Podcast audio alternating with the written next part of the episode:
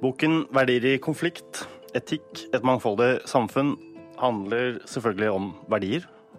Men verdier kan bety mange ulike ting. I vår bok så ser vi på ulike moralske verdier. Vi er Odin Nysaker som snakker nå, og min medredaktør Terje Mil Fredvald. Vi har bedt mange ulike fagpersoner skrive om et tema som eksemplifiserer verdier og verdier i konflikt i dagens samfunn. Og sånn sett er vår bok, 'Verdier i konflikt etikk i et mangfoldig samfunn', et bidrag til den pågående verdidebatten. Velkommen til Akademisk kvarter, en podkast fra Cappelen Dam Akademisk. I denne samtalen så har jeg med meg Arne Han Vetlesen eh, og meg selv, Odin Lysaker. Og vi skal samtale rundt eh, et av kapitlene i eh, denne nye boken 'Verdier i konflikt etikk et mangfoldig samfunn'. Men først vil jeg gjerne høre litt hvem du er, Arne Vær så god. Ja, jeg er professor i filosofi ved Universitetet i Oslo. Arbeider med moralfilosofi, politisk filosofi og miljøfilosofi. Hovedsakelig det som heter eh, praktisk filosofi. Ja, nettopp. Og som en av redaktørene så vil jeg selvfølgelig også understreke at du har bidratt med et etterord, et spennende etterord i vår bok. Eh, det skal vi eh, komme tilbake til. I vår eh, bok så har vi altså vært to redaktører, men jeg som snakker nå, heter Odin Lysaker og er professor i etikk ved Universitetet i Agder. Og har bakgrunn i filosofi og jobber mye innenfor etikk, politisk filosofi og sosialfilosofi. Ja, eh, et av kapitlene i denne antologien er altså et kapittel om verdier i konflikt, med utgangspunkt i 22. juli, nærmere bestemt de overlevende fra Utøya. Eh, det er jeg som har skrevet det kapittelet, eh, og jeg tenkte vi kunne snakke litt om det, Arnan, fordi det er jo selv i disse koronatider en dag som nærmer seg stadig vekk. Ja. Ikke bare er det ti år neste år, det er jo nesten utrolig at det har gått ti år allerede så, uh, om, et år. Men 22. juli hvert år så er det jo selvfølgelig en uh, spesiell dag for mange. Ikke bare da de som har mistet noen, uh, mm. men også de som har overlevd. Mm. Og utoverlevende er da, tenker jeg, verdt å kaste lys over noen av deres opplevelser. Ja. Du har jo en interessevekkende tittel til ditt kapittel her, Odin demokratisk ekskludering og moralsk hat. Kanskje du skulle si litt om hva du legger i moralsk hat? Ja, det er et veldig godt utgangspunkt og spennende spørsmål å stille. Um, altså, hat er jo noe som gjerne oppfattes som umoralsk, kanskje. Eller i hvert fall negativt. Mm. Fordi det gjerne knyttes til noe en, uh, følelser. Sterke følelser, og sterke negative følelser. Følelser som bringer med seg Eh, konflikt eh, mellom personer som hater andre. Ehm, jeg har forsøkt å ta tak i en diskusjon eh, som jeg vet også du er interessert i, og som ser på hatet som ikke bare noe negativt, men også noe positivt. Eller med et moralsk potensial. Stikkordet da på fransk er sentiment, ja. og er jo litt, noe litt annet enn hat, sånn som vi kanskje tenker på det i hverdagsspråket. Ja.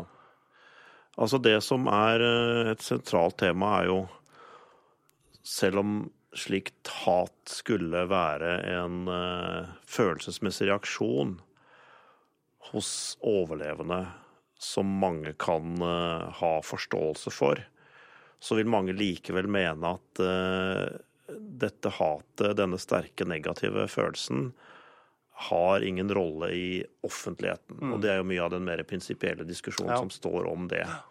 Mm. Men du uh, argumenterer for at uh, det kan være slike følelser som har en rettmessig plass i offentligheten. Er det det du gjør? Ja, det gjør jeg.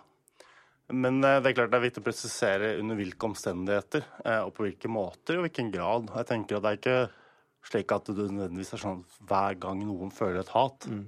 så er det akseptabelt at de ytrer eller mm. uttrykker det i offentlig rom. Ja. Det, men i dette tilfellet så er det da flere utoverlevende som har uttalt seg til medier, intervjuer, eh, vært med på arrangementer som ligger offentlig tilgjengelig for andre, og hvor de sier det er ikke, i hvert fall den måten jeg leser dem på og bruker dem i mitt kapittel, det er at de sier det er ikke rom for vårt hat. overfor Breivik. Det er den erfaringen de har gjort, at det er ikke noe Ja. aksept for det. Det var for tidlig. Ikke uviktig at vi liksom fikk rosetog og kjærlighet og fokus på uh, at vi skulle liksom gjenreise landet ut fra en del sånne positive verdier. Ja. Men at de allikevel føler at det fikk kanskje for stort fokus, og at deres hat ikke eh, Ja, det ikke var rom for det, og at demokratiet ikke rommer den sånne sterke følelsen. Men hvis man da spør hva du tenker at offentligheten går glipp av hvis denne følelsen ikke kommer frem, eh, kanskje også pga. mye selvsensur, eller at det kanskje vi til og med kan si det er noe sånn unorsk ved å stå frem i offentligheten med veldig sterke negative følelser, hva går offentligheten glipp av? Ja, Det er jo et veldig interessant spørsmål. Um, jeg tenker at det går glipp av et helt menneske. Og en menneskes traume. Og en menneskes Altså alle de som har uttalt seg det er jo ikke så slik at jeg vet at alle som har overlevd Utøya, føler på dette. Nei. Det har ikke jeg undersøkt. Jeg har bare forholdt meg til noen bestemte personer som Ja. har uttalt seg offentlig. Ja. Men med utgangspunkt i dem, så virker det i hvert fall som at skal man ta deres erfaring, Ja. opplevelse av hva som skjedde, og hvordan det har preget deres liv på alvor, så må man jo romme det Ja. et eller annet sted. Ja.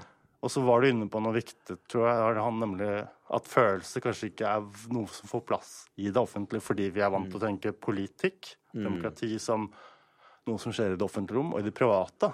Ja. Der har vi rom for følelser og ja. andre ting som eh, på en måte ikke er noe som politikken bør basere seg på. Så det er klart det er en annen forståelse av politikk som er et av utgangspunkter for å prøve å ja. gi rom for, eller synliggjøre behovet for å gi rom for den Ja. følelser som hat. da. Men jeg la merke til at du var allikevel inne på at det må være berettiget på et vis. Altså det er, det er en slags gyldighetstest da, for de Ja, følelsene du si. snakker om, som de liksom må passere Ja. for at du også vil anse at de har en rettmessig rolle i offentligheten. Ja. Ja. Ja. Nei, det er klart at uh, hvis, som jeg skriver i mitt kapittel til slutt, uh, hvis det er slik at de som overlever Utøya, føler på et hat, og det hatet gjør at de dreper Breivik, eller volder ham skade på en måte som ja. ikke ja, er moralsk eller eh, strafferettslig klanderverdig, så tenker jeg at det er gått over en grense. ja. Det kan være psykologisk forståelig at Ja. de gjør det, eller at det kan være et behov de subjektivt har. ja. Men moralsk og rettslig, da tenker jeg at det er problematisk at de gjør det. Og grunnen til at jeg ser det på den måten, er jo at jeg legger menneskeverdet til grunn og sier hit, men ikke lenger. Vi må ha en, en, et felles, minste felles multiplum, moralsk menneskeverd, som gjør at alle mennesker blir respektert som noen som har iboende verdighet og ikke kan Ja. krenkes og tråkkes på. Ja. Og Breivik, tross alt han har gjort, eh, står for fortsatt.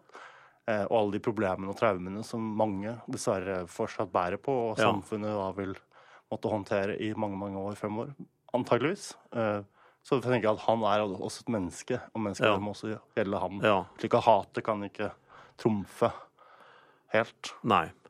Men ligger det et eh, budskap i den måten du diskuterer betydningen av moralsk hat på, om at eh, reaksjonen, hva skal vi si, i det offisielle Norge, kanskje anført av det som Stoltenberg sa om eh, mer åpenhet og mer demokrati, men aldri naivitet, altså har, har reaksjonen vært for forsonende på et vis? Har det, har det vært noe litt sånn konfliktvegrende ved måten Norge Det er et veldig stort ord her, da, men også ikke sant, anført av statsministeren, regjeringen, myndighetene.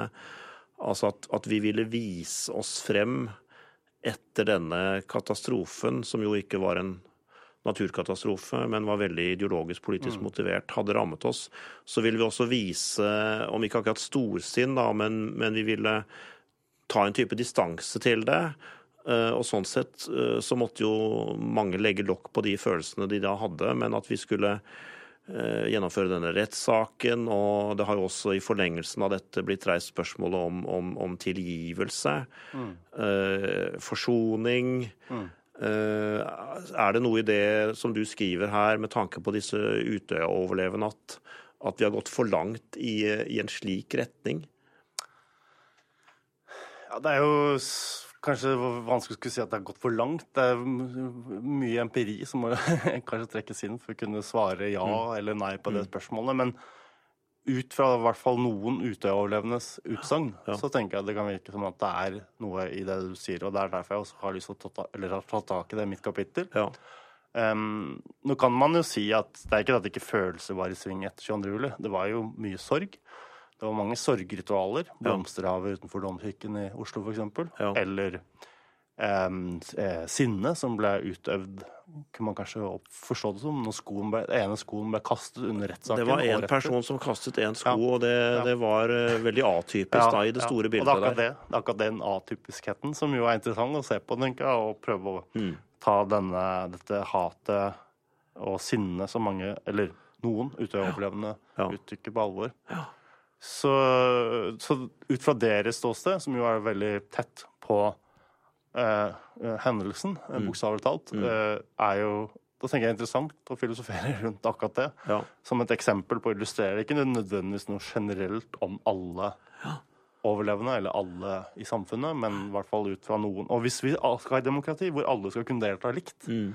ha en stemme, ytre seg på sin måte ut fra sine opplevelser og behov og interesser, så må vi også kunne romme disse følelsene. Ja. Selv om de er negative, selv om de er hatbasert. Vil du knytte dette med følelsenes betydning til eh, hvorvidt det ble tatt et tilstrekkelig politisk, ideologisk oppgjør med, med Breivik med tanke på at, at han hadde en slik motivasjon?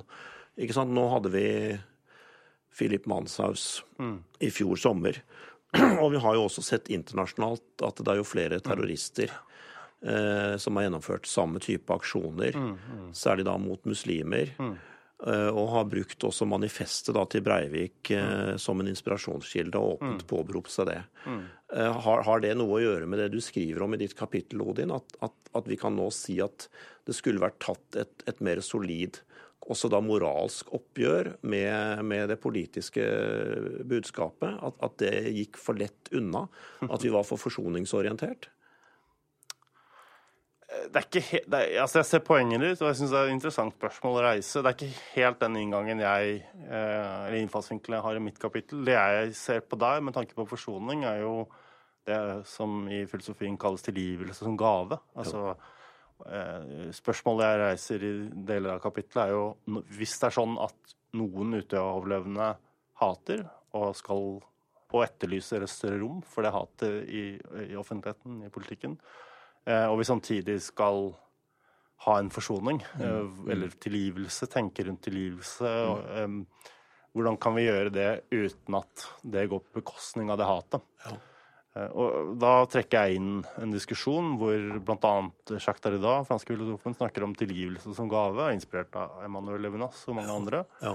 Eh, og poenget da er å si at tilgivelse kan ikke skje, eller bør ikke nødvendigvis skje, eller vi kan ikke forvente eller kreve at det skal skje nå. Men det kan hende at det kommer til å skje i morgen eller om ti år. Fordi forsoningsprosessen, den psykologiske belastningen, traumene mange tilsynelatende utoverlevende bærer på fortsatt. Og dette finnes også rapporter fra eh, fra eh, psykiatri og psykologer som har forsket på, Ja. eh, og jeg, som jeg viser til i mitt kapittel. Ja.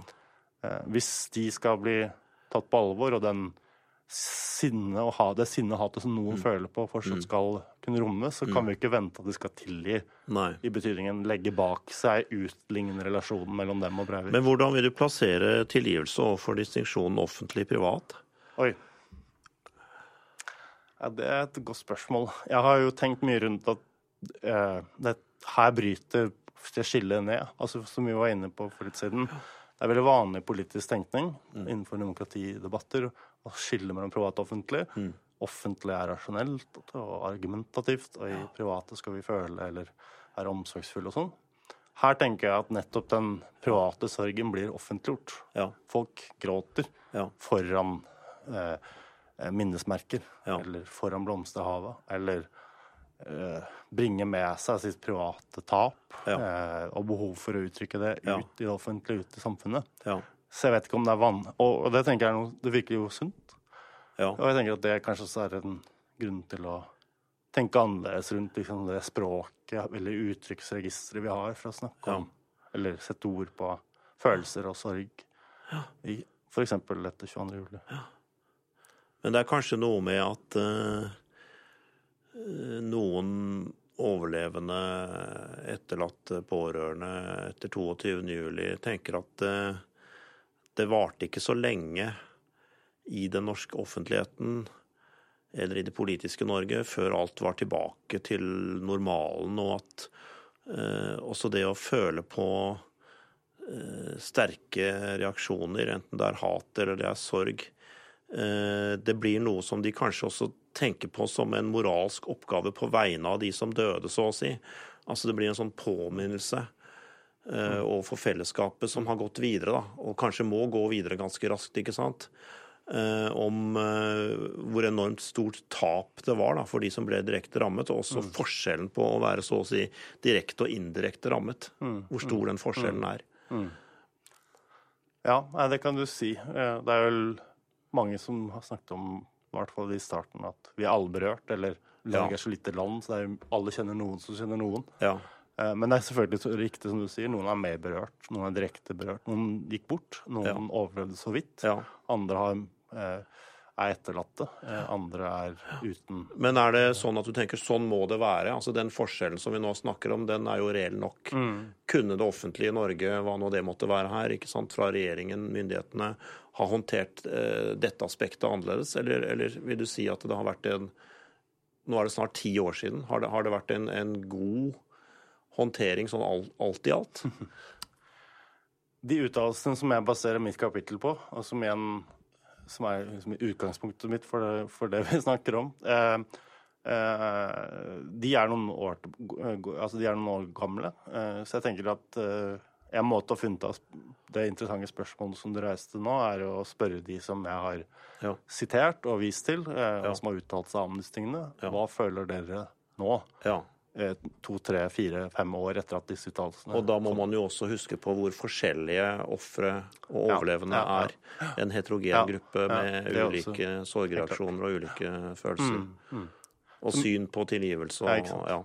Så mitt poeng er ikke å komme med liksom én fasit på hvordan alle skal gjøre dette eller håndtere dette, men at så lenge det er noen som i hvert fall har uttatt seg og ikke, gått, og ikke sagt nå er, nå er ting annerledes, nå har vi fått en, uh, en uh, hva skal jeg si, en oppfølging fra samfunnet, en mm. aksept, en uh, anerkjennelse, en, nå har vi blitt synliggjort, også ut fra hatet vårt. Altså Så lenge ikke de som har sagt dette, har Og det er jo godt når hvis de hører dette, så kan de si jo, men det, nå, er, vi- nå er vi forsont med dette, nå kan vi hvile, og, eller nå kan vi liksom slippe dette. Det kan jo ikke være noen sluttdato Nei. for de som er berørt. Nei, det er akkurat det. Og det er det som er poenget med tilgivelse som gave. eh, At vi kan ikke da forvente, kreve, at det skal komme. Det er ikke noe, det er ikke noe kontrakt. Det er ikke noe økonomi i det. Nei. Det er noe som vi må håpe på. Ja. Se, liksom kunne kanskje ha noen meninger om er er av det gode, men ikke kreve at noen plutselig da skal, fordi myndighetene ønsker det, eller fordi det andre får det til, så skal de Ja. også måtte Ja, liksom,